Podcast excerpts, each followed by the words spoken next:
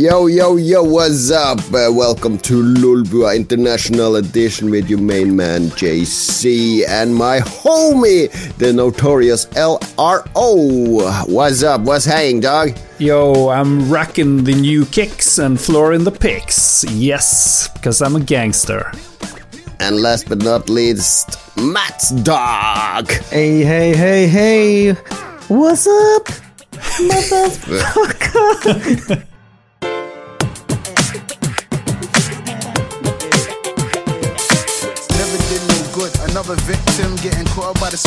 Genialt. Husker du i gamle dager, Lars, eh, da var det umulig å få med Magnus på sånn her moro? Ja. Jo da, nå er jo liksom alt mye bedre etter han. Nei, vent litt. Vi savner deg, Magnus. Nei, men Det er bra. Det er, vi kan ikke lage Det er en del svensker, så når podkasten blir stor, så begynner de Nå skal vi snakke engelsk, fordi vi er så flinke at vi er best i verden. Det er den svenske selvtilliten. Vi har ikke den. Jeg foreslår at vi tar podkasten på svensk i stedet. Hurmorn i Sverige? Våra, våra nya publik? Våre, vårt elaka publik i Sverige. Ah. Hva sier ni Mats? Uh, 12 points goes to Iceland. ok. All right. Vi skal ikke tvette brallor eller hitta purkungen i denne episoden. Det er en splitter ny episode av Lolbua. Jeg er tilbake. Mats er på land og koser seg. Kommer rett fra flyplassen, hvis jeg har skjønt eh, riktig, Mats. Det stemmer. Jeg har akkurat uh, kjørt noen venner eh, på flyplassen som eh, reiser hjem.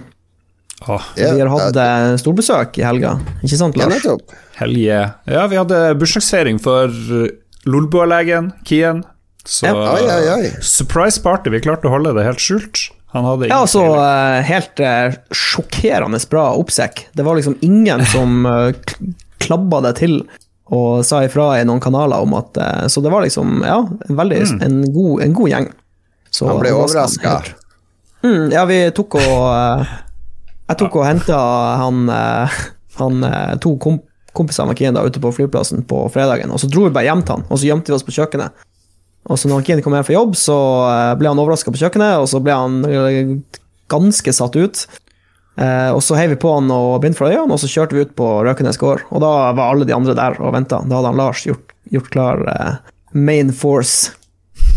For et opplegg. ja. Jeg har aldri sett noen bli så satt ut før i mitt liv, tror jeg. Nei, han ble, han ble liksom uh, Han ble uh, Ja, altså, han, han visste ikke hva han skulle si, liksom. Han ble bare helt uh, sjokkert, tror jeg.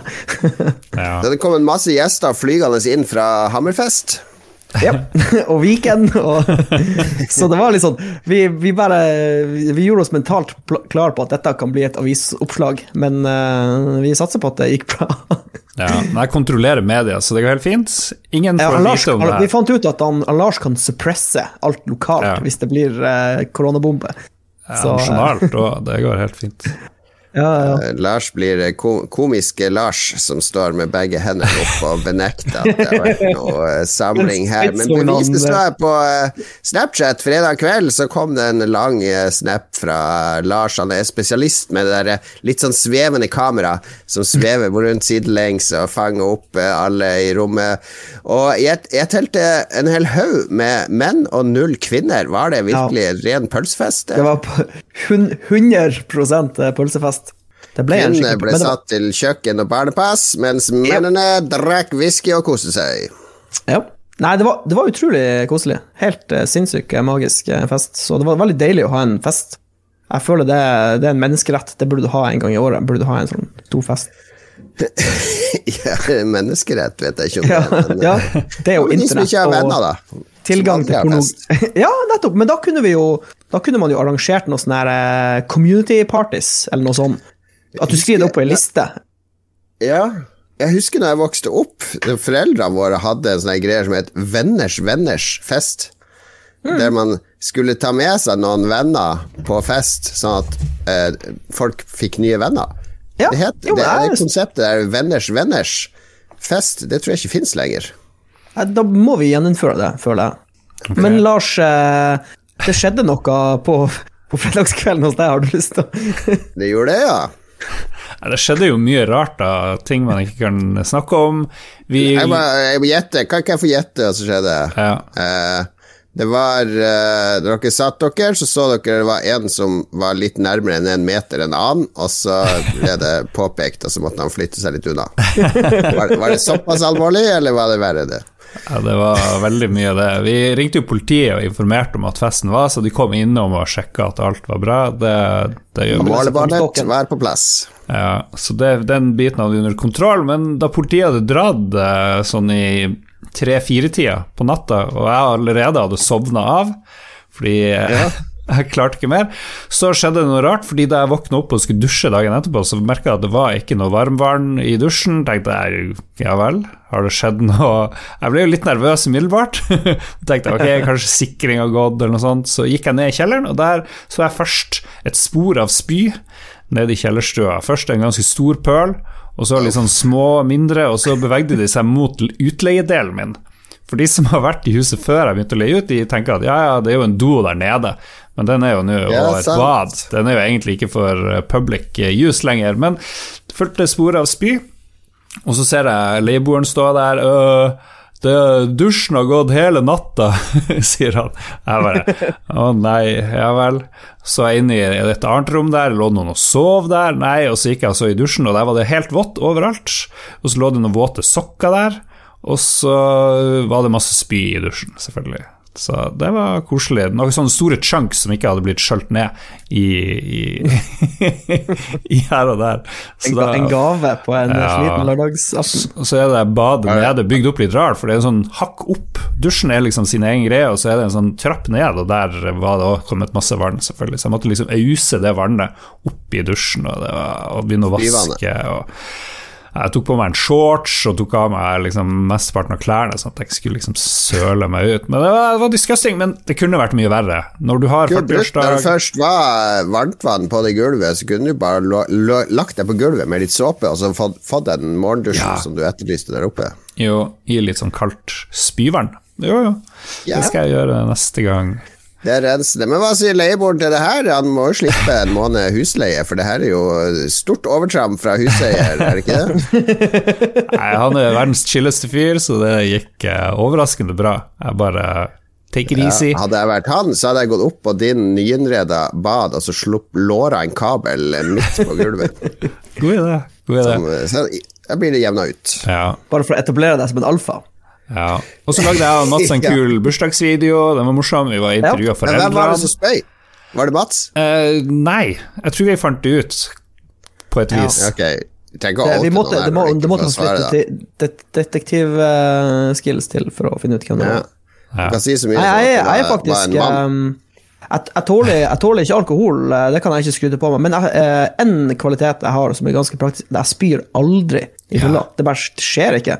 Eh, uansett hvor Maurings og Mats blir, så uh, går han bare og legger seg en plass og sover, liksom. Det er aldri noe som kommer opp igjen. Men det er jo farlig, fordi når du spyr, så er det jo kroppens måte å få ut gift på. Så hvis du blir forgifta, ja, så, så, bare ja, ja, ja, dette er kos. Ja, kroppen min bare absorberer det, og bare gjør det til sitt eget. ja. Hmm.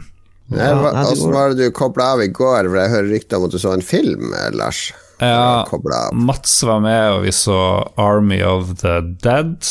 Utrolig dårlig film. Helt forferdelig. Nyeste, det er den nye Sex Snyder-filmen ja. på Netflix som på en måte er oppfølgeren til hans Dawn of the Dead, som han lagde for lenge siden. Um, ja, han har jo tydeligvis fått gjort alt sjøl, og han var med og skrev manus, så det må han aldri få lov å gjøre igjen. For det var helt Jeg tror det er litt sånn George Lucas-greier. Hvis han får full kontroll, så blir det, det blir ikke bra. Hva var det som ikke funka her, da? Shit. Uh, alt? Det var, Persongalleriet. Det var, ja. det var, ikke så mange kule karakterer. Det er ingen du heier skikkelig på, føler jeg. Og alle forsøk på humor var dårlig, replikker var dårlig, det, ja, for det, det var altfor lange scener. Det hadde han jo eh, sånn høvelig på greip i, i hvert fall i den, den tidlige Donald Duck-remaken. Da føler jeg det var humor som fungerte, hvis jeg husker rett. Så, ja, for jeg har sett den, jeg òg. Altså. jeg måtte se den i fire omganger, det var så kjedelig. Så jeg måtte, ta pauser og gjøre andre ting. Uh, fordi det er jo Hvis du skal se den, så er det bare å se introsekvensen. Altså er det ikke noe mer moro, basically. Ja, altså, alt eller, det beste uh, og kuleste er i introen. Men det det er jo sånn wrestler i hovedrolla her. Uh, burde man ikke bare ha et dogme om hvis det er en wrestler i en av hovedrollene, så bare la være å se filmen? Har du noen sett en bra film med Nei, men, Dwayne Johnson eller Hulk ja, Hogan? Er, eller Uh, uh, Sina, you can't see me! You can't see me! Har du sett en bra film med en wrestler i hovedrollen? Nei, det er det som er, de, fun de fungerer ikke Nei, det er det som er, de fungerer ikke i hovedrollen, men de kan ha en birolle. Sånn som det Som i Guardians of the Galaxy. Ja, nettopp. Han fungerer som Drax, fordi han har, han ja. har veldig få lines, han sier ikke så mye, og det er liksom det, Han jo, spiller liksom, på et endimensjonalt register som bare har, er en, å se sur ut. Ja, han har en karakter som passer veldig godt til, til, til ja. han, liksom. Fordi jeg, jeg, tror ikke han er leading man, jeg tror ikke han er materialet, rett og slett. Ja, så er det en annen eh, film som fungerer med en wrestler, det er jo The Princess Bride, der han André the Giant er mm. en av uh, skurkene. Den fungerer faktisk veldig bra. Men det har en liten birolle. Jeg kan fortelle hva eh, som har skjedd med meg i det siste. Det har jo vært for første gang siden november har det vært liksom gjenåpning av Oslo. Altså Butikkene åpna for en uke siden, og denne uka så åpna også utesteder og restauranter. Og så kom det samtidig med 25 grader eh, og sol, som det har vært her i helga. Så det har jo vært uh, rene karneval i Rio-stemning nede i byen. Mm. Ikke at jeg vet, jeg har ikke vært i byen, da, men jeg var på jobb på fredag, og så skulle jeg sykle hjem, og det var bare helt sinnssykt mye folk i gaten. Så min konklusjon er jo da at nå kan alle ha det moro i to uker, så må de stenge igjen. Fordi nå, nå tar det helt av. Så akkurat når jeg har fått vaksinen og er trygg, så kommer de til å stenge igjen. For jeg har ennå ikke fått den jævla vaksinen. Jeg trodde alle i Oslo skulle få før i juni. Jeg tror du har helt rett. Det er sånn som i Hammerfest. Fest og moro, alle skal ut, og så bare woho! Så det er bare å nyte det mens det varer. Ja, men jeg nyter jo ingenting, for jeg tør jo ikke å gå ut. For jeg er, sikker, jeg er ganske sikker på at hvis jeg får korona, så havner jeg i sånn respirator. Jeg kommer til å bli en av de der som, eh, som mm. må på sjukehuset og sånn. Og så Jeg vil ikke ha de seneffektene. Jeg tør ikke å gå ut, fordi jeg ser jo at folk overholder jo ikke Det, det ser jo dere òg når dere har fest. Det er jo mulig å overholde. Ja, men det er det, det, som er Med en gang du liksom Med en gang alkoholen begynner å flyte så går det ja. ikke an å ha noe sånn her avstand og Altså, det går bare ikke. Jeg tror jeg og vennene mine klarer det, men det er andre på de utestedene som ikke klarer det. Jeg vil ikke ha folk som kommer hanglende over meg og hoster og harker og puster Kjør, med nakken. Kjør litt og, close talk. Ja, fuck it. Nei, det, det er ikke sjansen på det før hey. Ingen vaksine, ingen moro. Sånn er det. Det er min livsregel. no vaccine, no fun. Men noe annet som er morsomt i Oslo, er jo sparkesykkeldebatten. er jo stor som alltid. Har dere fått sånne utleiesparkesykler i Harstad ennå? Nei, vi har ikke det. Det er to selskap Nei. som har liksom prøvd seg, men de har ikke kommet i gang. Nei, det er jo perfekt i Harstad, opp Harstadgårdsbakken og sånn. Det er jo superdeilig. Du må jo hope seg opp med sparkesykler i toppen av Harstadgårdsbakken. Alle som har kjørt opp Ja. Det er en veldig bratt bakke for de som ikke kjenner Harstad. Men i Oslo så er det jo fullt frislipp av sparkesykler. Så har de innført masse nye regler nå, så det er bare lov å kjøre 6 km i timen på fortau, og det er bare Du må liksom passe deg ja, Det er ikke lov å kjøre to stykk på de, det er streng 18-årsgrense osv. Men eh, det ser ut som de fleste driter i det. Og så er det nye trenden i Oslo nå Du kan ta Før så måtte du betale per minutt. Men nå kan du liksom leie Voi for ett døgn for 75 kroner. Da kan du kjøre så mye du vil på alle de med sparkesykler. Hmm. Så det er jo ganske mange unge som bruker det. Og så har det blitt sånn at når de skal kjøre langt, så har de med seg stol. Så de driver og setter sånne små stoler eh, eh på sparkesykkel, så de kan sitte på sparkesykkelen og kjøre den som en scooter. Og eh, sånne bakere som har åpna i Oslo med uteservering, de har mista masse av de stolene som de har på uteservering, som folk på sparkesykkel tar med seg for å bruke på sparkesyklene sine. Så mm. det, det har blitt et problem. Og jeg så det, det ultimate av det her, det studerte jeg på Karl Johans gate da jeg var på hjem, vei hjem fredag. Kommer det to sparkesykler, ene med en skikkelig feit kar. som har, du vet, en sånn der eh, firkantig, kvadratisk sånn der uh, puff som man har ute på terrassen. Sånn der eh, ja, ja. kurvebasert med sånn pute oppå. Han hadde en sånn oppå, en sånn svær sånn, som han satt på med den der feite ræva si, og liksom armene opp og bare nedover. Og det er det mest, det er det mest dekadente eh, wow. Synet jeg har sett. Det der, han derre feite fyren på spark... Det var akkurat som når du er i Vegas og ser de der som kjører disse eh, rullestolene, de gamlingene med sånn Ja, ja, ja. oksygen inn i Sånn munnen. Som har spist spareribs og burger og pølse i hele livet, og nå har eh, hjerte og kropp som ikke fungerer. Det minte meg om det. Det minte meg om du burde, gå, du burde gå litt, mann. Du burde ikke sitte på ræva di på jeg den der myke puta og trille. Jeg, jeg tenker alltid tilbake på eh, Jeg vet ikke om du husker eh, i den der animasjonsfilmen Wall-E, så har liksom Ja. menneskene uh, Det var, ja, det var sånn! Det var Det sånn sånn, jeg liksom. følte det. Ja, ja, jeg føler vi er på vei Ja. dit. Ja. det går- det går jeg, jeg, jeg, måtte, jeg måtte le høyt av det synet. Det var, det var så Det var sånn der visjon av fremtiden her. Der alle vi opp og ned Karl Johans gate skal sitte som smultboller og holde hendene på et sånt styre og kjøre rundt mellom butikkene. Ja, det er fantastisk.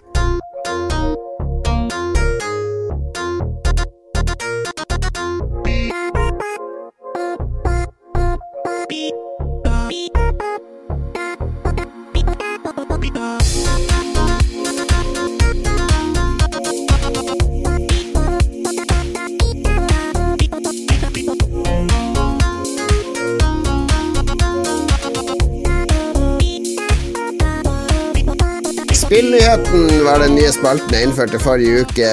Og eh, eh, bank i bordet. Vi klarer å ha en spalte to ganger på rad. Vanligvis så varer spaltene våre én episode. Vi prøver å holde liv i den. Jeg, vil bare si at eh, jeg syns det var en kul spalte, og jeg har sjekka ut forrige episode. Ja, Du har ikke drevet og lest deg opp masse på spillnyheter nå for å Det finne nei, overskrifter? Nei, jeg kan love deg at jeg ikke har gjort det. Ja. Altså det, samtidig så må jeg kaste ut uh, en oppfordring til våre norske eh, spillmediers redaktører.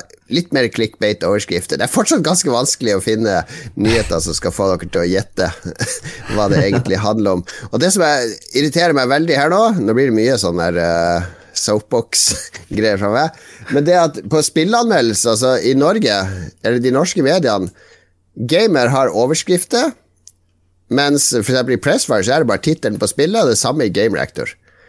Altså, det, er jo det, er jo der du skal gå amok med ordspill og finurlige vendinger og ha den der snerten som skal lokke leseren inn. Det er ingen leser som har lyst til å klikke på 'Resident Evil 8', vår anmeldelse. Du må jo ha sånn der eh, 'Denne dunderkjerringa kommer til å gjøre deg kåt og redd'. Ikke sant? Da klikker folk.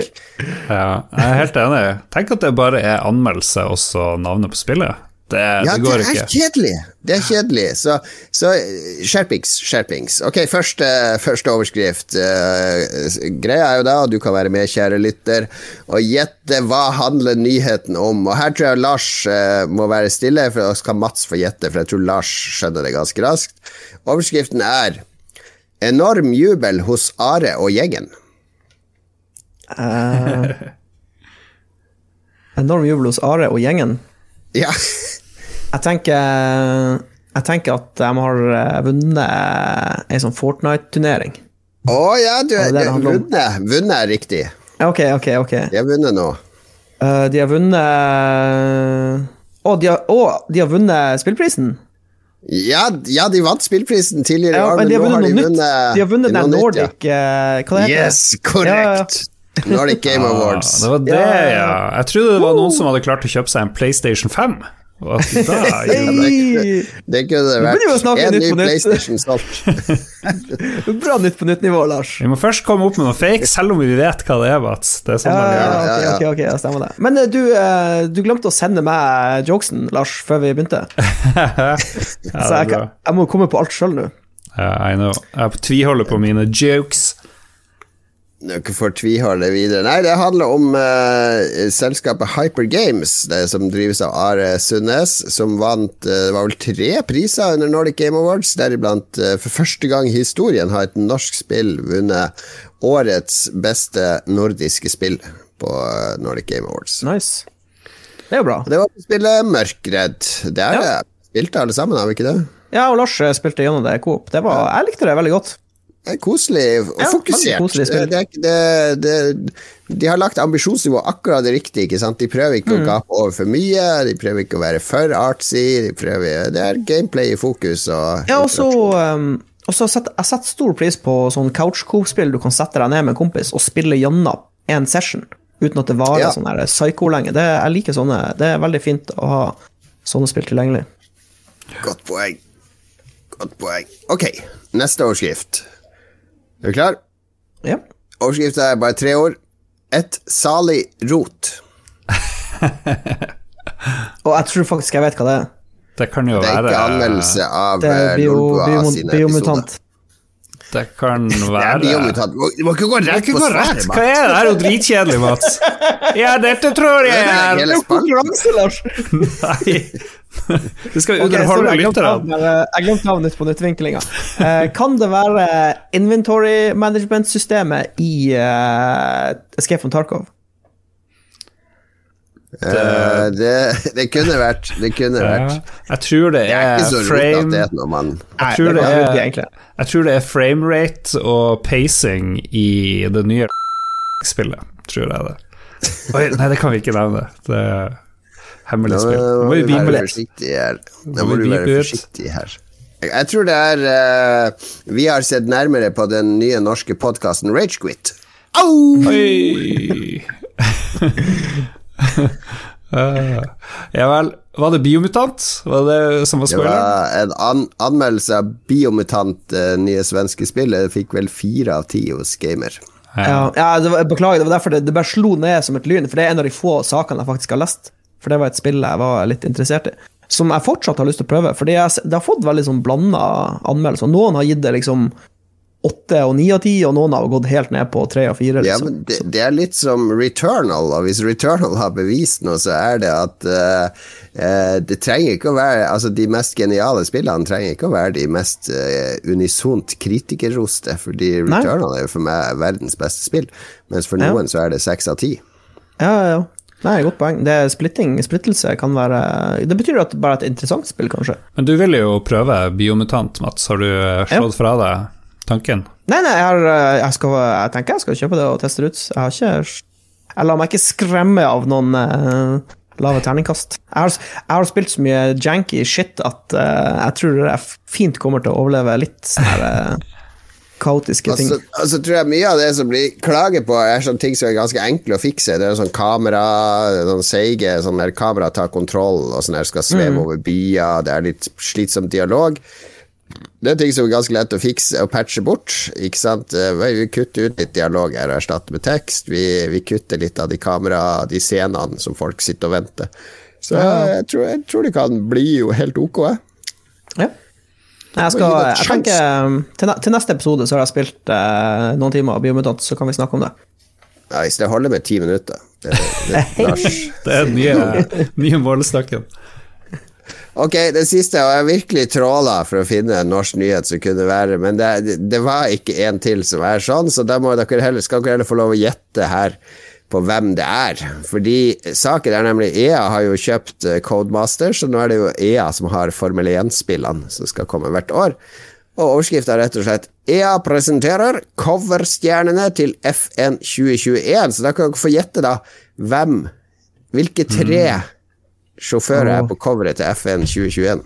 Oh, ok, vi skal gjette tre okay. fører, men til neste gang, eh, hvis eh, du sliter med samme problematikken, så kan du i stedet bare fjerne et ord i tittelen. Så kopierer vi enda mer Jeg har tenkt på det, men vi er akkurat i grenselandet til å bli saksøkt av Nytt på Nytt. Så hvis vi begynner å faktisk gjøre det helt likt sånn som de gjør det, så, så, så er, da begynner jeg å bli redd. Ja, nei, uh, nummer én, Masepin, den nye russiske stjernen. Masepin ramla meg inn med en gang. Du tror han, er liksom- er på han, har, ja. han er populær på Instagram, han har liksom, det er liksom kontrovers. Folk blir jo liksom litt harnisk, så det blir bry seg, så blir det ekstra PR. Så Masepin er, han er locked in.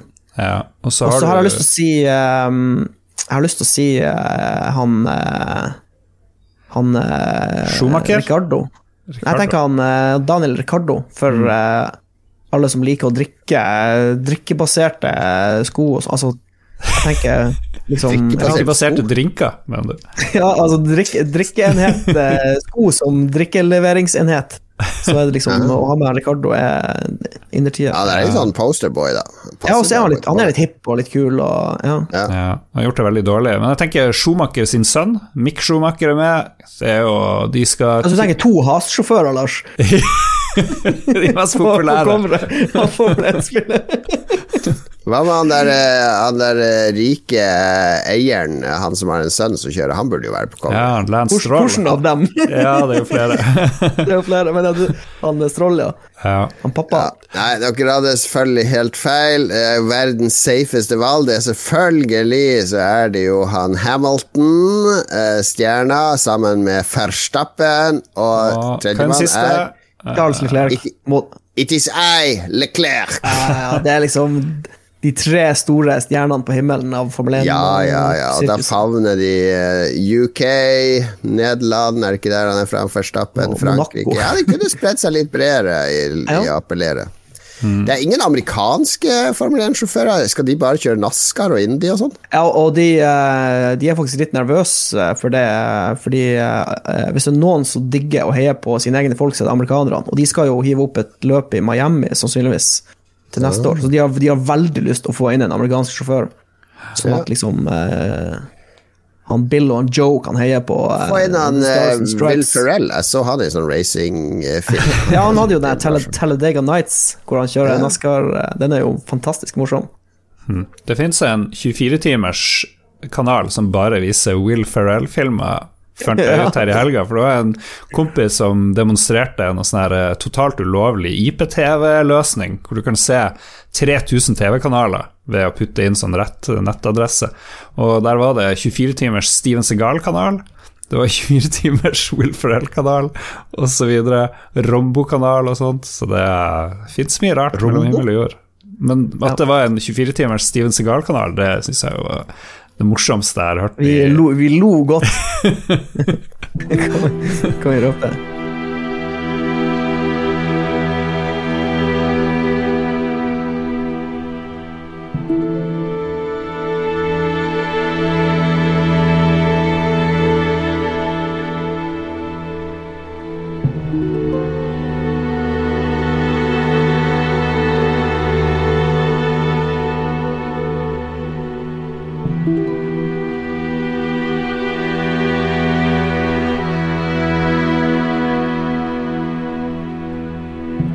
kommet til enda en ny spalte. Denne blir en oneshot, fordi vi har fått, har fått så mye SMS og mail og sånn etter i forrige episode vi påpekte at eh, du, Lars, du, du liker litt sånne eh, gamle uttrykk, sånn jabba dabba du og sånn. Det sier du helt uironisk. Ja, jo, jo. Ja, du, men du er en, en mann som eh, er litt forelska kanskje i litt sånne gamle uttrykk. Jeg, det, jeg lever så mye jeg kan i fortida. Ja, ja det, er, det, er, det er jo ikke tull heller. Du er, du er nostalgiker. Litt sentimental, litt nostalgisk, mener at alt var bedre før. Hvor ofte sier du kawabanga, Lars? Altfor sjelden. For eksempel. Og det er nettopp dette det skal handle om, for jeg har ti uttrykk, så skal eh, Lars få lov å si sånn på en skala fra én til fem hvor ofte han bruker de uttrykkene. da. Så blir vi litt bedre kjent med Lars og Lars sine uttrykk, og kanskje får Lars inspirasjon til å bruke noen av disse uttrykkene mer. Tenke litt over, uh, variere litt. Ja, sånn går nå dagene.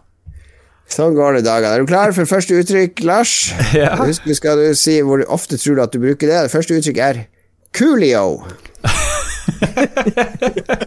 Jeg bruker det veldig mye skriftlig. Uh, bare Ja, innrømme. du gjør det, ja? Ja, ja, ja. Ja. det, Det, det hva betyr det? Det er nå at dere avtaler å møtes et sted, og så kan du svare coolio. Ja. ja. Det, Ja. det er coolio. Det, det er litt 90-talls uh. Eh, ja, for assosiasjoner. Ja, nei, så Du er jeg, egentlig som tenåring. Evig tenåring fra 80-tallet, du, Lars. ja, jeg gir det en firer på fempoengskalaen. Nettopp såpass ofte, ja. ja. Du, har, du har fått det mange ganger, Coolio, Mats. Fra. Ja, jeg har sett Lars skrive Coolio opptil flere ganger, så det er legit. All right, Coolio, da går vi videre til neste uttrykk. Hvor ofte bruker du uttrykket kjent fra Donald Duck? Saftsuse. Nei, det er, det er mer sjeldent. Det er, det er mer sånn Jon Cato-uttrykk, tenker jeg. Du er jo sånn Donald-mann og har Jeg klarer ikke å bruke det.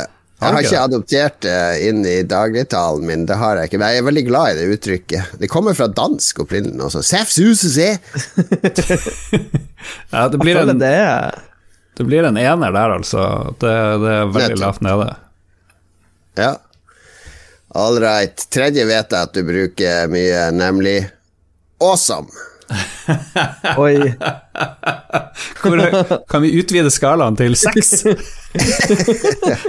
Det er såpass, ja. Her, her må jeg innrømme at jeg bruker også det ordet veldig, Ja, ja, okay, veldig ofte. Okay. Ja. Er det fordi du Er det Lars som har inspirert deg til å bruke det, Jeg tror du hadde brukt det uten at Lars hadde brukt det? Jeg vet, jeg vet Det kan hende jeg plukka det opp fra Lars, liksom. Han var jo som Ja. en, eh, den kule storebroren når vi var mindre, liksom. Så det kan hende han har planta noen frø. Ja, ja, for man skaper jo en kultur eh, rundt eh, ord og uttrykk man bruker i, i nærmiljøet sitt, ikke sant? Så det kan være Lars Ja, ja. er den som Ja, jeg tror det var dryppa noen ting ned. Er du klar for neste uttrykk, Lars? Coolio. Neste uttrykk er 10-4. Det er Litt, sånn- litt sånn militært. Ja, det, det Det er er sånn mottatt. Ja, ja, Nei, det er sjelden, Mats, tror jeg.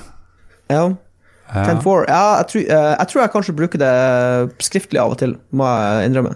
At jeg skriver 10-4, liksom. Ja. Bare fordi Ja. eh, Jeg er mer sånn return to base, RTB, kan vi skrive. Eller Ja. GTG, good to go, kanskje. Jeg vet ikke hva det Ja, ja, betyr, det. Ja. Hvis det skal være militært.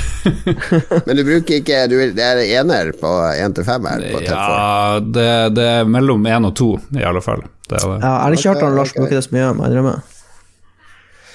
Neste er uttrykket klabbert.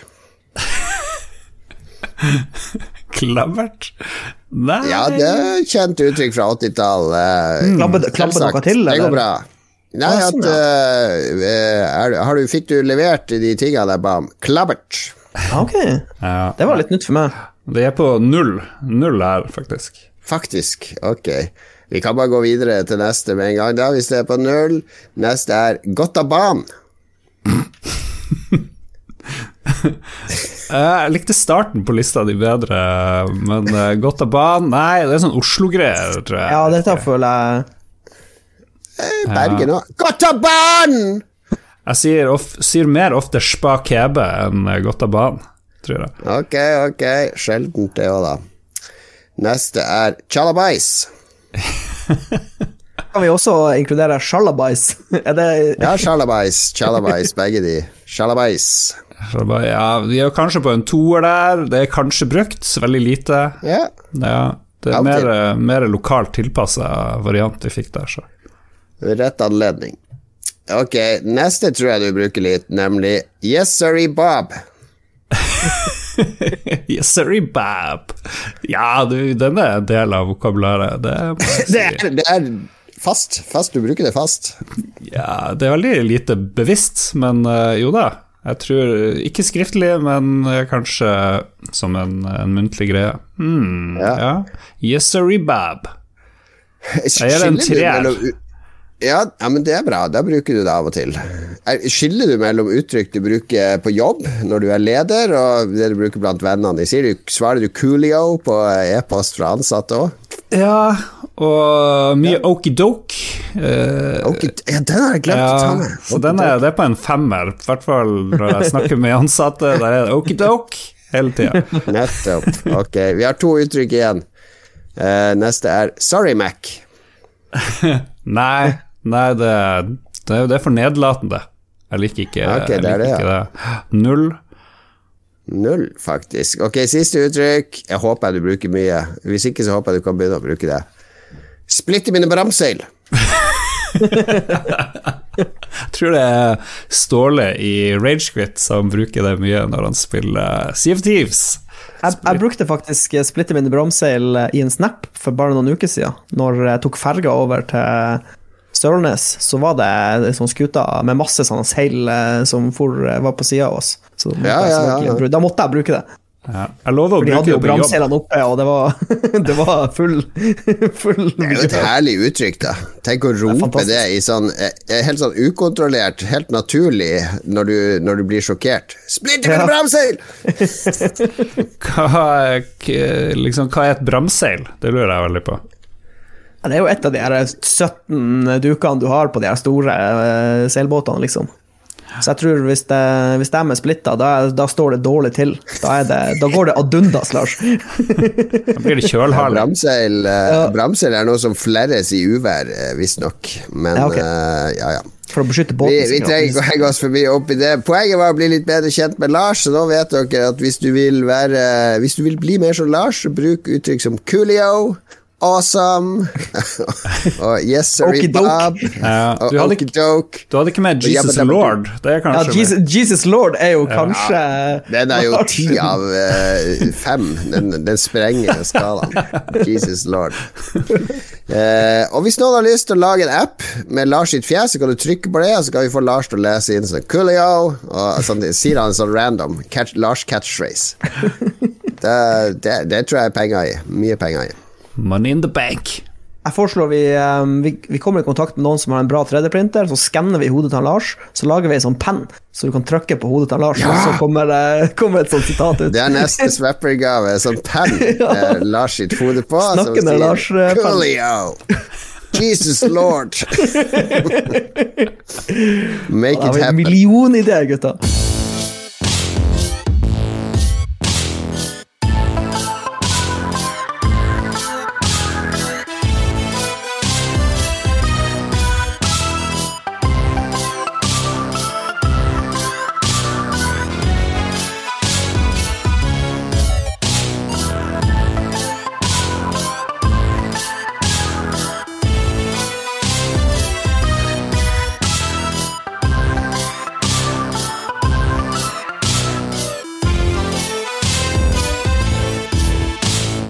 Hva har vi spilt siden sist? Nå er du tåke hos Lars. Jeg vil- jeg vil bare- Jeg vil bare beklage på forhånd. Jeg har fått eh, spilt utrolig lite de siste tre ukene pga. jobb, eh, nattskift og eh, besøk. Du har jo spilt masse. Jeg har ikke det, vet du. Jeg har spilt eh, Jeg spilte ti minutter med Wreckfest hos han Lars. Eh, og det som er bra, er at han Lars hadde jo blitt ferdig med gressklipperstadiet, så jeg fikk lov til å spille med skikkelige biler. Men eh, Ja. jeg syns det virka litt morsomt. Det er jo på en Ja, måte det er virker som det er litt sånn flere spill igjen. For det var Du hadde Når du kunne velge uh, sånne karriereløp, så var det liksom noen baner som var eh, som et race. Eh, litt sånn vanlig racing, eh, men med knusing, da. Altså at du kan dytte folk i, i busker og Ja.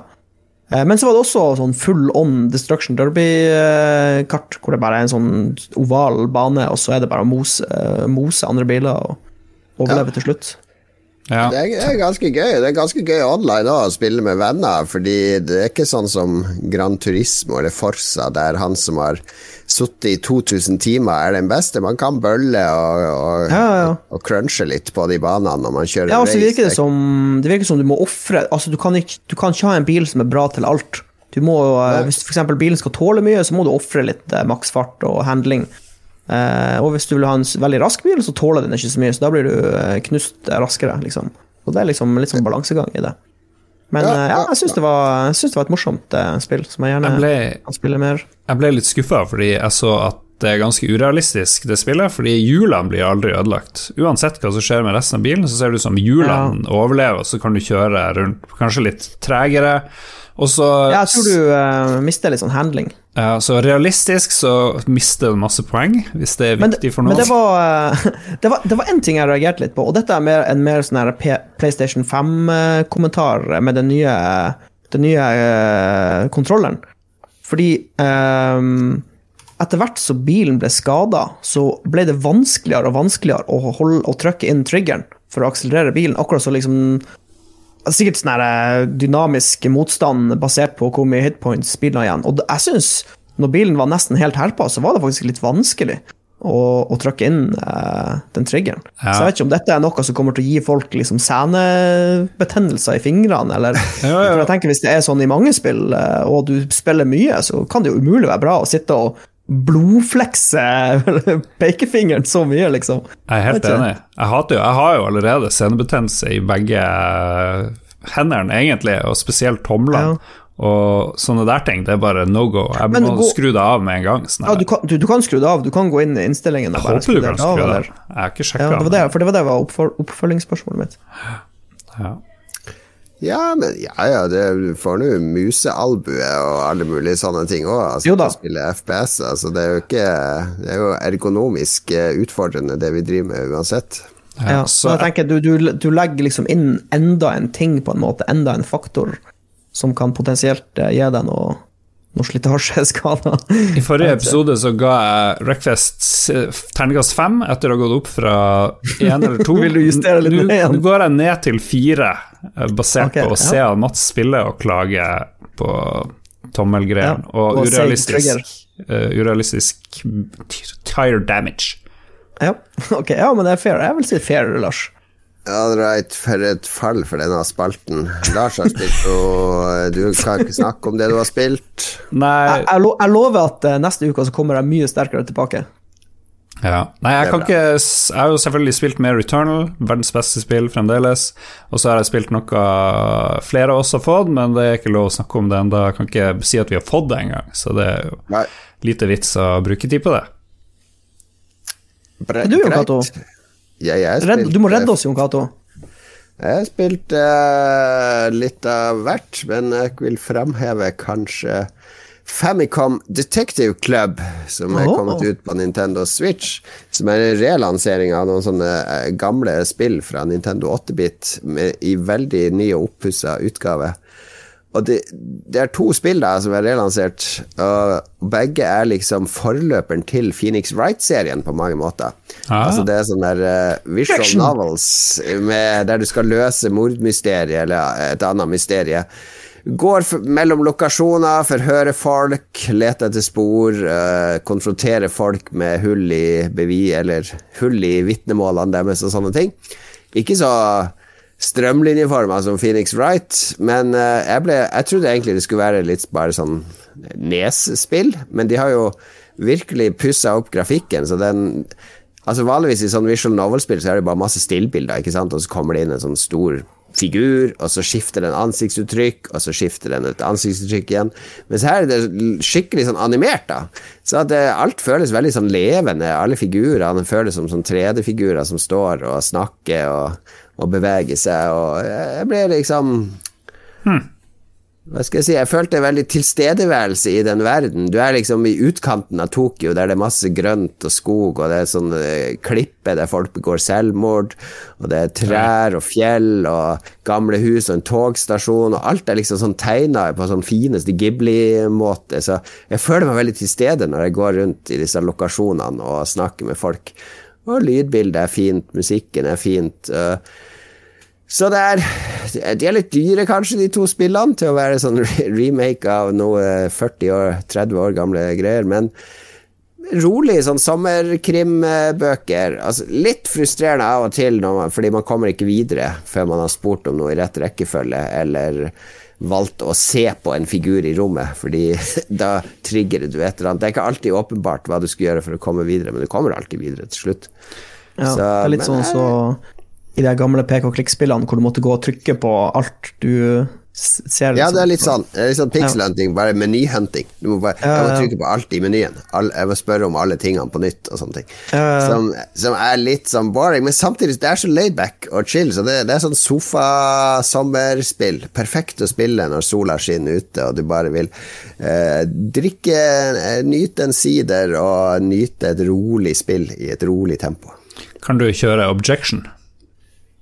Nei, du kan ikke det. Kan ikke det. Det er veldig tommelvennlig, og, uh, Lars, for deg som ikke har hender som fungerer lenger. Ja, takk. Er det, er det for mye onani, rett og slett, som har tatt tomlene? Det kan godt hende. Det, det, jeg skal ikke utelukke det.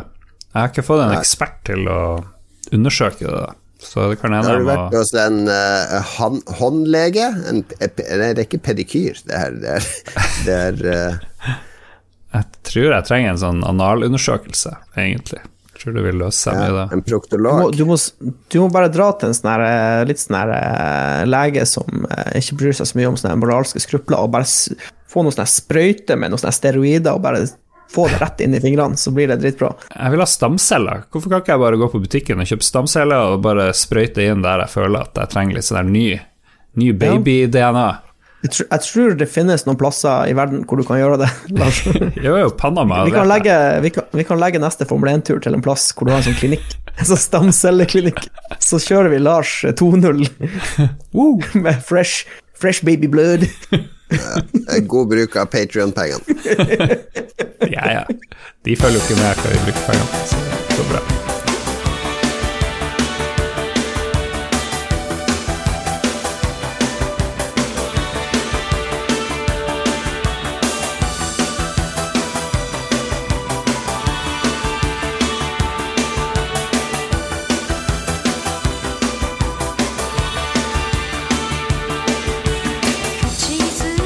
All right. Det koker her oppe på, uh, i tredje etasjen min. Sola står rett inn her. så Ja, jeg hører rykter om høy, høy temperatur i hovedstaden.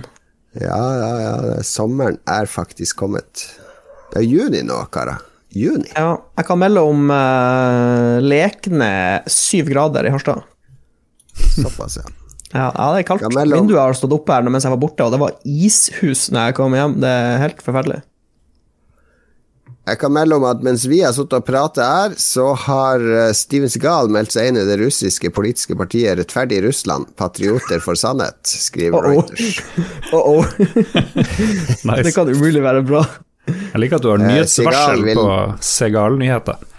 Segal vil gjerne ha strengere straffer for bedrifter som begår miljøkriminalitet, faktisk. Så det er jo basically plottet hans i en av de filmene, On Deadly Ground, der er han ute også etter å ta sånn miljøkriminelle opp i Alaska. Den filmen anbefaler jeg sterkt, spesielt siste minuttene hvor han holder sånn tale, tror jeg det. Den er bra. Ja, han er, han er miljøengasjert, det er bra, den godeste Segal. Jeg var ikke klar over at han brydde seg så mye om miljøet. Ja, han er en mann med mange talenter. Han spiller vel saksofon òg, meget dyktig saksofonist. Ja. Han er har gitt ut, blues. Han har gitt ut eh, 'Songs from the Crystal Cave', en fantastisk bluesplate ja, hvor han også synger og greier. Og, ja, ja. Holy shit, det hadde jeg nesten glemt av. Men vi skal ikke anbefale noe Steven Segal nå, det er anbefalingsspalten. Hva er det vi skal anbefale denne gangen? Lars, hva er det du har uh, sett eller gjort eller opplevd eller smakt eller uh, På, på 90-tallet var det en skuespiller som tok verden med storm. Han eh, øvde aikido, starta dojo i Japan. Gifta seg med japansk dame, til og med, har unge der, og så for han til USA. Og ble legenden kjent som Steven Segal. Jeg, jeg skal ikke anbefale at det var for lang, for lang og for dårlig vits.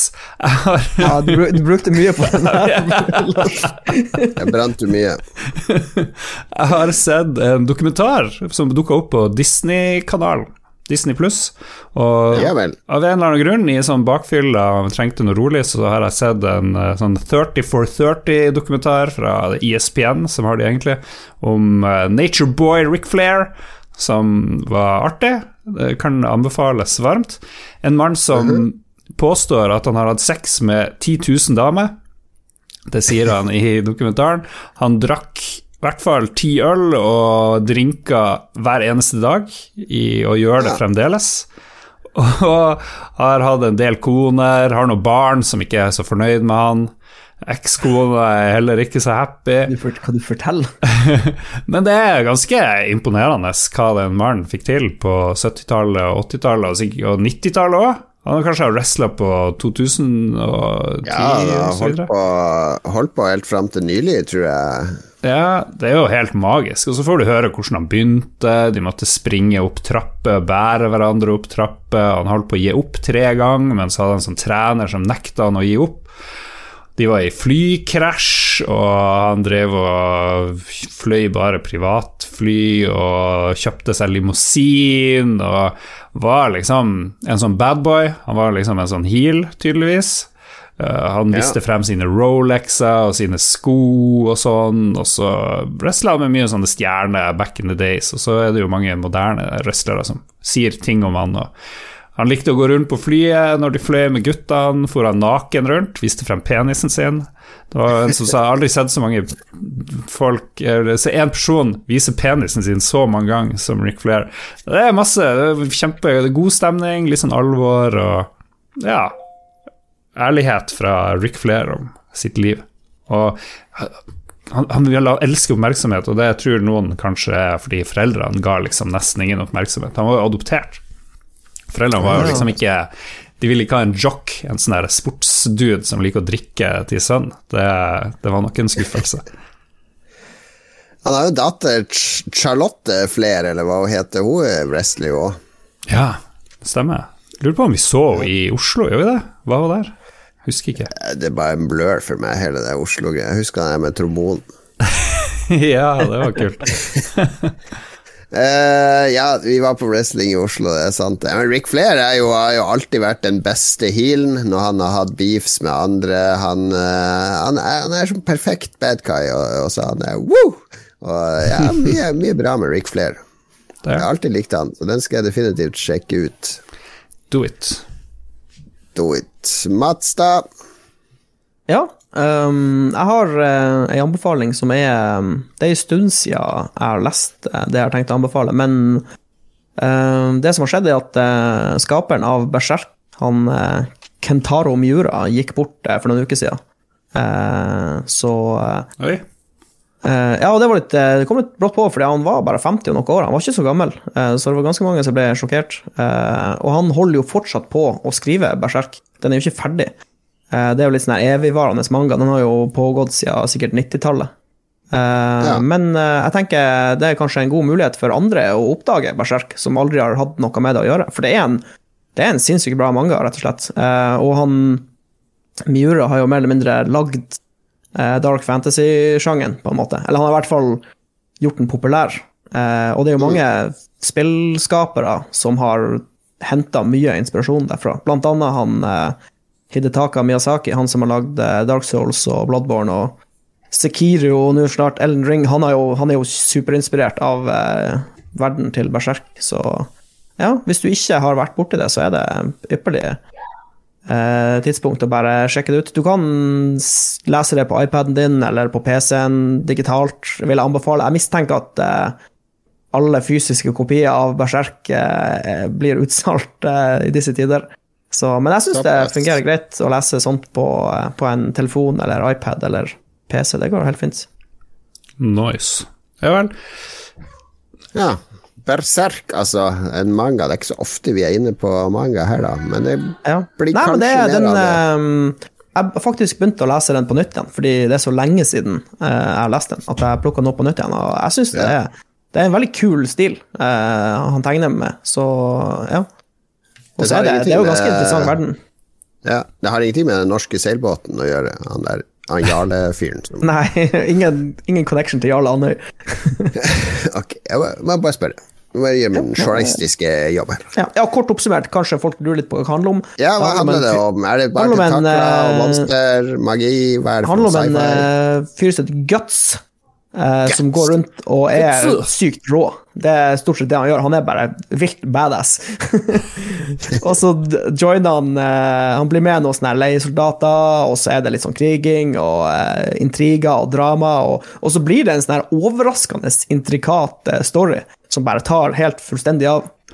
til tider kanskje litt mørke greier, men ja, den er veldig, veldig fascinerende. Japanske historier som tar av, det har jeg aldri hørt om. Det kan Nei, mulig stemme. Hæ? Hva du sier Og så finnes yes. det flere oh, Sorry. Det var sånn evig, evigvarende uh, anbefalinger. Men ja, det er mangaen jeg har fokusert på. Det finnes også flere filmer å styre, men ja, mangaen er det jeg vil trekke fram. Har dere, hørt, der, uh, har dere hørt uttrykket 'easy-peasy lemon squeezy' noen gang? Ja, det som Ja, ja. Eh, for du har tenkt å referere ja. til det det var før Lemon Squeezy? Jeg vet ikke om det stemmer, men det var visst Japanesey i stedet for Lemon Squeezy, og så måtte man liksom skifte det fordi det var racist. Det nei, det var nytt. Jeg har alltid Jeg har bare hørt Lemon Squeezy. Hmm. Jeg har aldri hørt den, eh, den visstnok originalen. Ja, Japanesey var visst den originale eh, okay. versjonen. Det lærte du fra Army of the Dead, uh. Ja, det var det eneste interessante med hele filmen, tror jeg. Herregud. Eh, nå er det godt å ha meg tilbake, for nå blir det de rare kunstfilmene igjen. På Criterion Channel så har de hatt en hyllest av eh, den tsjekkoslovakiske New Wave-bølgen innen eh, film som var på 60-tallet. Og kanskje den mest kjente regissøren som kom ut av de greiene der, var jo han eh, Milos Forman, som senere lagde Gjøkered, Amadeus, eh, Man on the Moon om Andy Kaufman osv. Eh, men det var hele greia i Tsjekkoslovakia var at etter krigen så ble jo filmindustrien eh, eh, nasjonalisert. Altså det var staten som styrte det. Så det var veldig begrensa hva du kunne lage, hvilke temaer du kunne ha. Det var mye sensur og sånn. Og så på 60-tallet var det mer sånn frislipp, så alle disse unge som hadde vokst opp og blitt lært opp i statlig regi, de begynte å ta opp litt sånne alvorlige tema. Så det kom en del filmer om eh, Tsjekkoslovakia før andre verdenskrig og under andre verdenskrig, og en av disse heter Krematoren. Eller The, Crema The Cremator. Jeg vet ikke hvordan du uttaler det på engelsk. The Cremator. The Cremator. Ja. Krematoren, som er det, det, er en av de mest gufne filmer jeg har sett, fordi det handler om en, en, krematør, rett og slett. Er det det det heter på norsk? En krematør? En som kremerer folk. Jobber på, jobber i, i, på likhuset, da, eller i en sånn kirke i kjelleren der. Eh, han driver krematoriet, så folk flest blir kremert. Og eh, han, han, er så guffen, fordi det, det er så mye nærbilder av det trynet hans, og han stirrer i kamera hele tida, har sånn monologer, men han snakker rett til deg hele tida om hvor, hvor, deilig det er å kremere, og hans rolle, og renheten i kremasjon og sånn. Altså gradvis, Det, blir, det er sånn reise inn i galskapen og inn i andre verdenskrig, der han gradvis blir liksom mer og mer uh, Han blir liksom tatt opp av nazistene, fordi det ble jo Nazistene overtok jo etter hvert. Så det ble jo veldig sånn skille mellom de som var for og imot nazisme. Og han ender opp liksom med å, å, å kremere folk i konsentrasjonsleirer. Og ser det som, han ser på seg sjøl som en engel som hjelper folkene å, å komme til ro og drepe barna sine. Og det, det er gufte greier, dette her, altså. Ja, um, men det er noe med den filmteknikken og det er hele det trynet til ham. Hvis du bare søker på Cremator eh, Tsjekkoslovakia film og ser på det fjeset til han der eh, lubne krematøren som hele tida står med det svette fjeset opp i, i trynet ditt, det, det, er Det er guffent.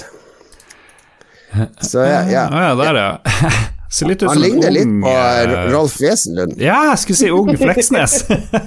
ja, ja, ja. Men når du ser, ser alle bildene, så ser du det er trynet hans i fokus hele tida. Han, han, har liksom øynene på deg hele tida. Uh, det, det, gjorde Det var virkelig guffent å se den filmen. Og masse gode Masse gode sånne Hva heter det? Symbolikk og andre ting. Så eh, noen av disse, når jeg ser disse kunstfilmene, de er litt for pretensiøse når de blir for mye tull. Det må være en sånn blanding av visuelt og et driv framover og, og noe, noe, som gjør at jeg gjetter underveis hva som foregår. Jeg ser at det blir presentert som en horrorkomedie. Vil du si at det Stemmer det? Ja, det er, det er, noe av det mørkeste jeg har sett av komedie. For det, det er morsomme scener der, men det er sånn okay, ja. at du liksom blir litt flau av å le, men du må nesten le. Jeg syns eh, siden det her skal være seriøst og, og kulturelt, så må jo du si originaltittelen til filmen. Uttale den ordentlig. Eh, ja, den heter Jeg vet ikke hva den heter. Spalovac mrtvol. Ja, det var det, nøyaktig det jeg skulle si. Ja. Skrevet basert på en roman av Ladislav Fuchs. Mm, nice. Svart-hvitt, selvfølgelig? Svart-hvitt, selvfølgelig. Som alle gode filmer er svart-hvitt, det vet du vel. Ja. Nei, hvis du får tak i det, hvis du får muligheten, så se Kremator. Se den heller ti ganger Kremator i stedet Eller The Cremator i stedet for Army of the Dead.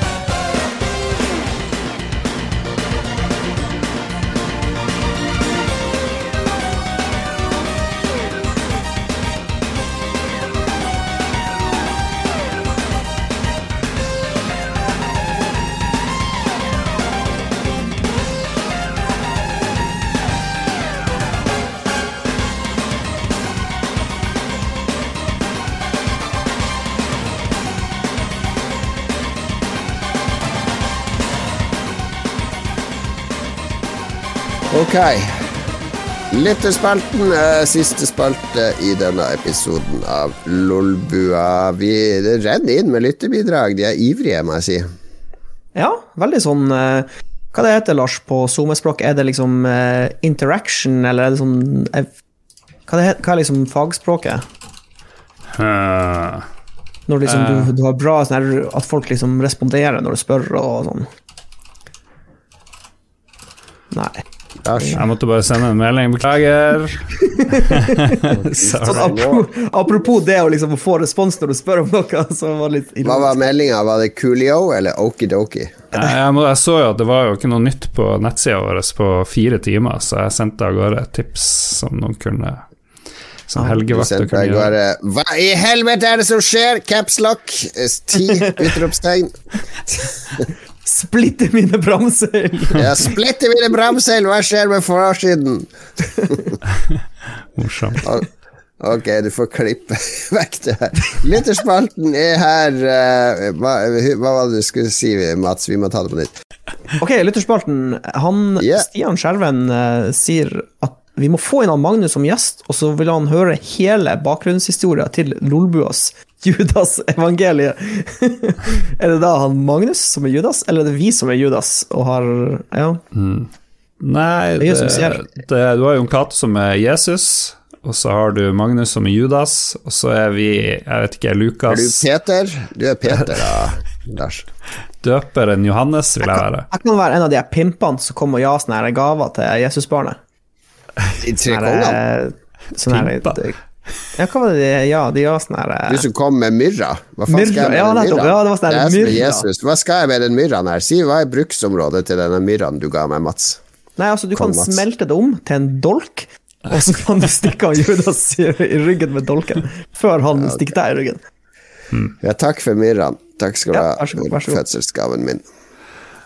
Uh, ok, Johannes, har du døpt noen i det siste? Ja, litt sånn Jeg gir mer gaver som smykker. Pearl necklace og sånne ting. Og nå får vi Nå, nå, nå, nå vet hvem som kommer til å melde deg nå, Lars. Ja, Holy kan vi ikke snakke om. La oss gå, la oss gå videre til neste Neste bidrag.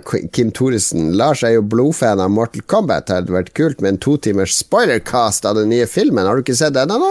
Jo, den har vi sett. Jo, vi har faktisk Vi har snakka litt om det nå, faktisk. Ja, bra. Ja. bra. Men vi var jo litt uh, skuffa, egentlig. Eh, vi savna Vi savna litt mer sånn camp-faktor. At det var liksom litt for seriøs, syns jeg. Ja, ti ganger bedre enn Army of the Dead, da, vil jeg si. Det var den. Den er også ja, det litt den. for seriøs, for den burde vært enda Den er litt sånn Her skal vi fjolle litt, og så tør de ikke å fjolle ordentlig. Ja, ikke sant? De bare, du må Ja. bare ta den helt ut. Det er en Mortal Kombat-film, for guds skyld. Det er bare å gå amok med idi idiotien, liksom. Det er ikke la det, ikke la det henge i lufta og steve. Er crazy-komediens tid over? Fordi crazy-komedier var et fenomen på 80-tallet. Det var disse at helt ja, bonkers. Jeg savner, Ja, jeg jeg ha- jeg mer ha- om Kurt Russell, vil jeg ha i Army of the Dead. Noe sånt. Ja, og så vil jeg ha, jeg vil ha filmer sånn som Army of Darkness, med sånn idiotisk slapstick og masse sånne cheesy one-liners og bare masse dustete ting, liksom. Jeg vil ha det. Ja. Ja. All right, fair nok. Det blir ikke noe spoilercast med det første, da, Kim Thoresen.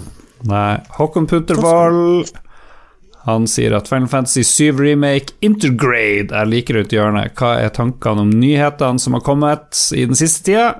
Er vi hypa? Vi skulle hatt Philip her, da. Han er Ja, her mangler man Philip. Ja, jeg, jeg, har- jeg har ikke spilt den forrige remaken engang, så jeg har ingenting å si her. Når det, når det dukker opp på PC, så skal jeg sjekke skitten ut. Men det her er jo den som er litt sånn mer 8-bit og 16-bit, er det det? For den, er- den Ja, vil det- jeg heller Jeg spille. vet ikke. Ja, jeg må innrømme at min fan fancy-kunnskap er begrensa. Altså. Altså, jeg er mer hypa på remaken av Dragon Quest 3, som ble annonsert denne uka, enn uh, Final Fantasy 7 whatever, whatever, Intergrade, remake, whatever. Jeg tror ikke den der 8-bits-greia uh, Jeg aner ikke. Ja, det er ikke så viktig. Vi har ingenting å si om det uansett, Lars. Bare kaste bort verdifull airtime. Han, han Adrian Haugen lurer på om eh, det er noen av oss som savner det gamle E3-formatet. Jeg savner å dra på E3, og Ja. spesielt sammen med Lars. Ja, det er jo min uh, My only regret er at jeg klarte aldri og Jeg var ikke tidsnok ute med å få lov til å bli med på E3-tur. Så det, det, må jeg innrømme. Det er litt bittert å gå glipp av det. Den gamle, liksom store E3-format-greia, liksom. Det føler jeg gikk glipp av en, en æra. Mm. Men jeg tror jeg savner det som var, og ikke hvis det hadde vært sånn som det var da, nå, og jeg hadde dratt bort, jeg hadde blitt for sliten, tror jeg. Altså, ja, for det er mye kø og svetting og Ja, jeg tror ikke jeg hadde orka å dra hvis det hadde gjenoppstått i samme Altså, jeg var jo på etere i forfjor.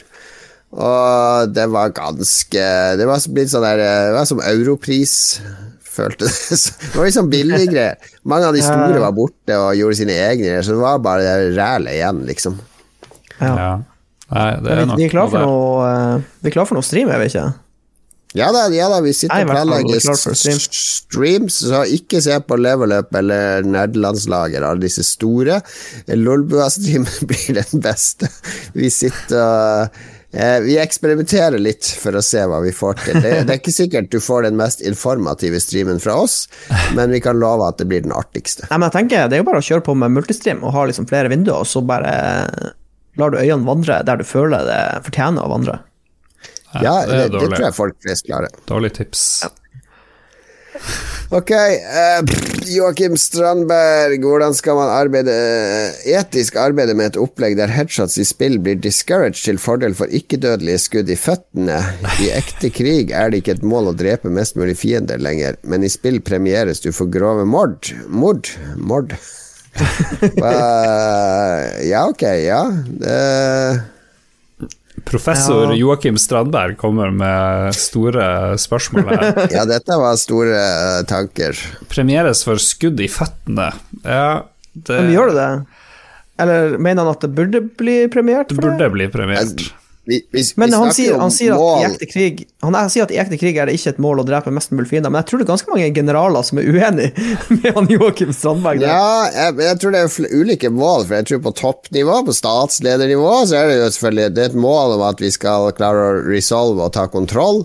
Med mm. minst mulig casualties, ikke sant, på begge sider. Også for generaler så er det jo et mål å bruke den beste taktikken, så du mister minst mulig folk sjøl. Men er du soldat, så er det jo fuckings bare et mål å overleve. Altså, ja, ja, det, det, er jo det du tenker på. Og må jeg skyte han der karen i hodet? Eller skal jeg, skal jeg, bruke et halvt sekund ekstra på å prøve å treffe han i låret? Det, det er ikke sånn, sånn du tenker. Når du Nei, jeg tror ikke det er noen soldater som i, i aktiv konflikt hvor det er skudd som flyr frem og tilbake. Jeg tror ikke det er noen som bare 'Å, jeg skal sikte på foten til han der'. ja, ja. La meg finne frem paceren min og løpe frem. Ja.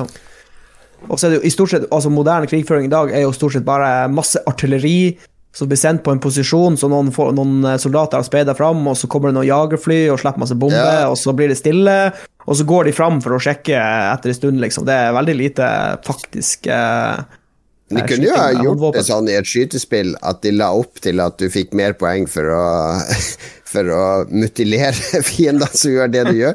Altså gjør de til krøplinger, skyte de i beina og sånn, og la de overleve, eh, enn å la, skyte de i hodet. Men jeg vet ikke hvor jeg, hvor jeg hadde følt meg så mye mer eh, moralsk eh, Ja, nå har, nå jeg jo nå har jeg vært snill. Det ligger masse folk og hyler bak meg. Jeg løper, jeg Kommer han klarer å gå lenger? Jeg vet ikke om jeg hadde følt meg så mye bedre enn om jeg hadde skutt det i hodet med en gang. Og det høres ut som en veldig rask måte å få spille ditt bannlyst i Australia på. Og gjøre sånne ting. Så ja. spør, det spørs om det er så lurt. Han, eh, Joakim bør jo spille Undertale. Der kan du jo løse konflikt enten med kjærlighet og dialog, og eventuelt å slå i hjel folk. Så det, ja. der vil han få det i praksis, egentlig. Ja. Nei, Christopher Getboys lurer på om det er greit med blokkfløyte i musikk. Ja, det ble jo aktualisert her nylig. Hvem det var? Ja, Ukraina hadde blokkfløyte i Eurovision, som jo var en favoritt. ja, gikk helt, fikk bare helt fint, det. Ja. ja. Svaret er ja. Eh, og så eh, vil jeg også bare kaste inn raskt at eh, blokkfløyte i musikk fungerer utrolig bra uh, i sånne humorsketsjer. Uh, jeg vet ikke om dere har sett de der, uh, den der Jurassic Park-musikkgreia, uh, og det er fantastisk. Sånn, veldig sånn dårlig blokkfløytemusikk, det er utrolig artig. Er det et humorinstrument, det er det du sier? Ja, ja, det kan fungere som et humorinstrument. Er det noen som vet hva den fløyta heter, den som de brukte på mye sånn 70-tallsfilm, når det var noe morsomt sånn Det var en Ja, den, der den, den du drar ut, på en måte. Ja, du drar ut en sånn greie. Så sånn Er det det som er en kazoo? Er det en Eller er det noe annet? Jeg er litt Kanskje det er usikker. det? Ja, jeg er litt usikker. Jeg har bare hørt Jeg tror er, eh, jeg tror du er inne på noe. ja. vi, vi er i hvert fall i nabolaget av fløyta. Jeg lurer på om det var kazoo i Bombadilla Life. At det var en kazoo. Ja, det er en, kanskje en kazoo. Ja. Jeg er litt usikker. Eller Her må vi få en, eh, en, en eh, musiker til å hjelpe oss. En Det er musiker. generelt eh, blås, er generelt blåseinstrumenter som har humoristisk effekt. Du har kazooen, blokkfløyte, så du spiller litt sånn falskt, og så har du når du har en sånn liten hatt på trompeten og lager sånn wah. Og, husker dere eh, fra fotball-VM i eh, Sør-Afrika? Den der Ah, Vuvuzela. Masse sinte Ah. bier. flott. Love it. Eh, Han, Stein Pedersen sier at vi må snakke om hvorfor det er så innmari vanskelig å uttale repetitivt på podkast.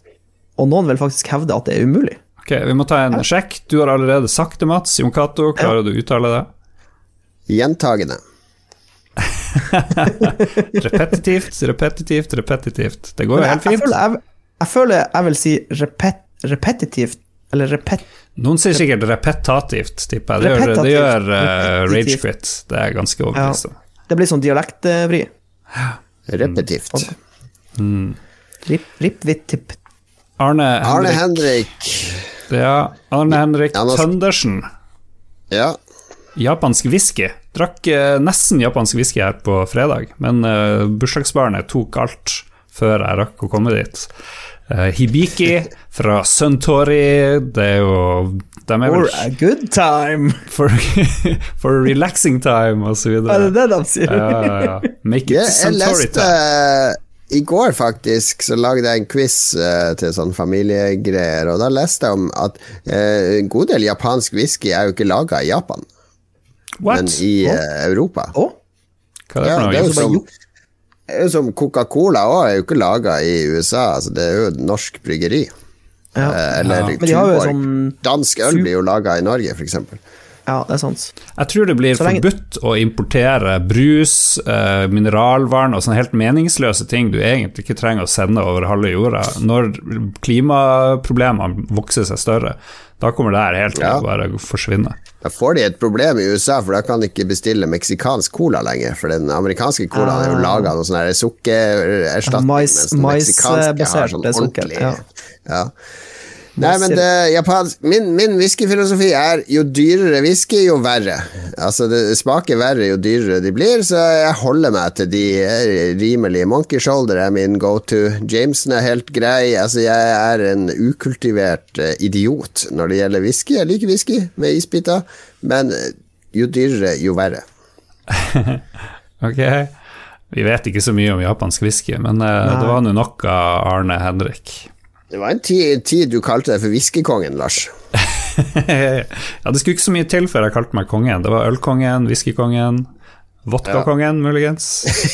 Du var kongen av all, all alkohol. Alkoholkongen, rett og slett.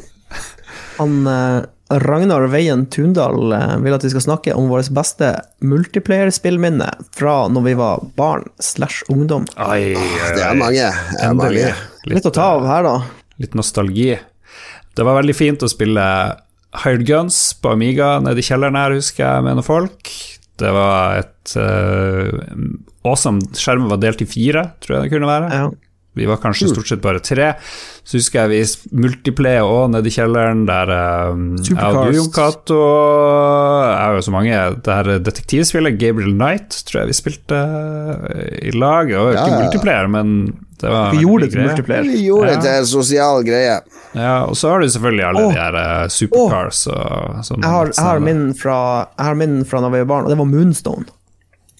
Når du var de her ridderne og skulle drive og gå rundt og samle Du slakte Ja. monster og samle sånne her deler til sånne ritualer. Det var fantastisk.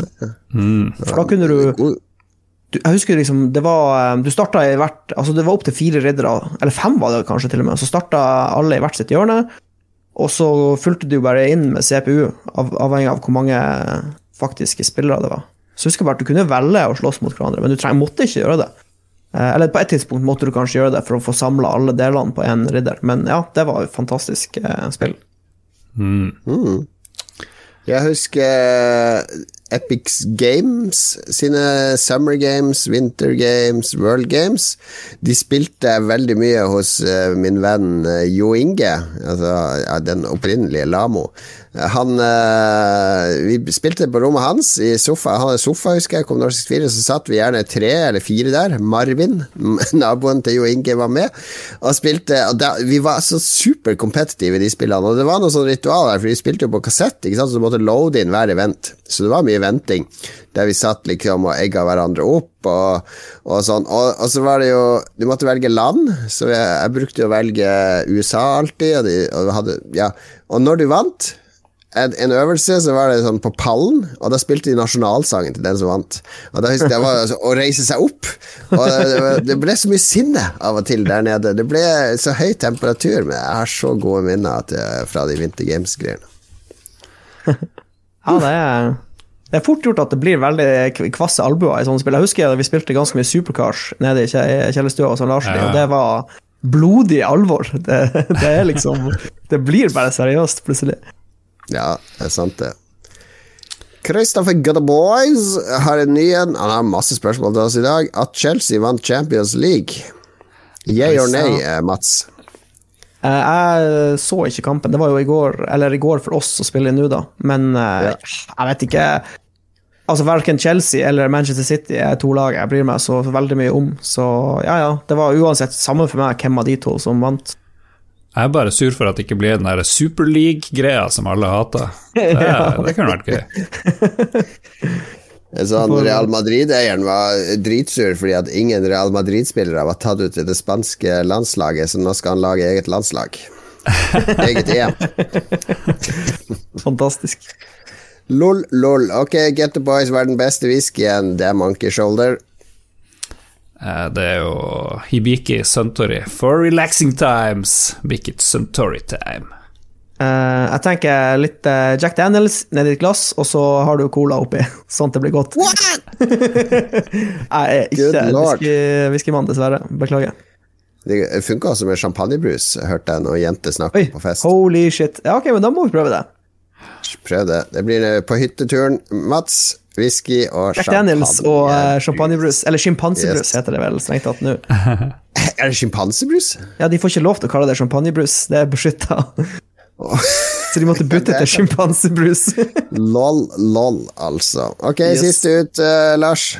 Ja, vi må bare sette strek. Vi har masse flere spørsmål, og vi tar dem i neste episode. Alexander Brekke kommer med et uh, knallhardt dilemma. Alltid måtte spille Sea of Thieves med Ståle, eller alltid spille Snowrunner med Christian. Ok, Jeg kan gå først ut. Jeg vil spille Snowrunner med KK, for jeg klarer ikke det der piratspillet i evig tid. Jeg trodde du skulle si at du klarer ikke Ståle i evig tid. Nei, nei, Ståle er kjempekoselig, og jeg elsker han, men eh, jeg klarer ikke å spille Sea of Thieves til jeg pensjonerer meg. Det, da blir det å kjøre bil ut i eh, terrenget. Ja. Jeg har gode minner med Sea of Thieves og drive og sabotere litt og sånne ting. Og bli full og spille den der hurdy-gurdy igjen og sånt. Bli skutt ut av kanon. Utrolig morsomt. ja. Jeg tror Jeg elsker Snowrunner, men det, det er en utfordring hele tida. Det er liksom vanskelig hele tida, så jeg tror jeg eh, vil ha mer behov for å chille på dekk med Ståle. Bare seile litt rundt av og til, og av og til gjøre noe som er utfordrende, så jeg går for Sea of Thieves. Ja, men da får han Ståle seg et lite mannskap. Ja. ja da, ja da, ja da. Splitter mine bremseil, vi blir med deg, Ståle. Saft suse. Veis ende. Takk til alle som hører på. Takk til alle som støtter oss på patrion.com slash lolbua. Vi setter veldig pris på det. Jeg har planlagt sommergave. Jeg holder det hemmelig for dere to. Jeg har snakka med Ståle om det. Jeg og Ståle tar oss av eh, produksjonen her. Eh, så det ansvaret er delegert videre. Det blir noe deilig som folk kan bruke i sommer og leske seg med. Mm -hmm. Lesk seg med Den uh, Lars-penna må vi jobbe litt videre med å finne ut hvordan vi skal sette i produksjon. Jeg vil, jeg vil, få det til på et vis. Vi har en, uh, vi har en kamerat som akkurat har fått seg en 3D-printer. Ja. Og så vet jeg det går an å lage sånne slags uh, 3D-modeller hvis du bare tar mange nok bilder av en ting. Så dette er noe vi burde få til. Kan vi modellere er en ting. Eh, vi kan modellere etter den Trump-penna jeg har. Den er jo magisk. Ja. Vi må takke produsentene. Vi kan, Ja. uh, vi kan snu rekkefølgen for å skape litt uh, engasjement og spenning. Stian Skjerven, kjernekar. Jarle Pedersen, meget uh, hyggelig mann. Anne Beth, eh, hun er veldig omsorgsfull og flink i Destiny. Duke Jarlsberg, kongelig. kommer sikkert fra mm, Viking 1 osv. Koberkar84, han er den 84., men han er den beste. Og så har du TTMXMP, som står Hva står TTMXMP for, Mats? Uh, too true. My xenomorphic man, please. Oh lord.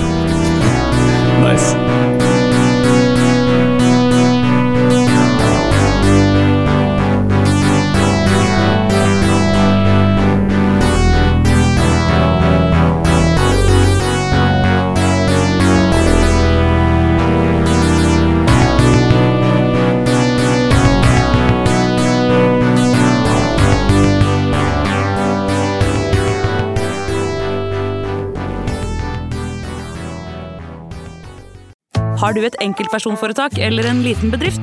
Da er du sikkert lei av å høre meg snakke om hvor enkelt det er med kvitteringer og bilag i fiken, så vi eh, gir oss her, vi.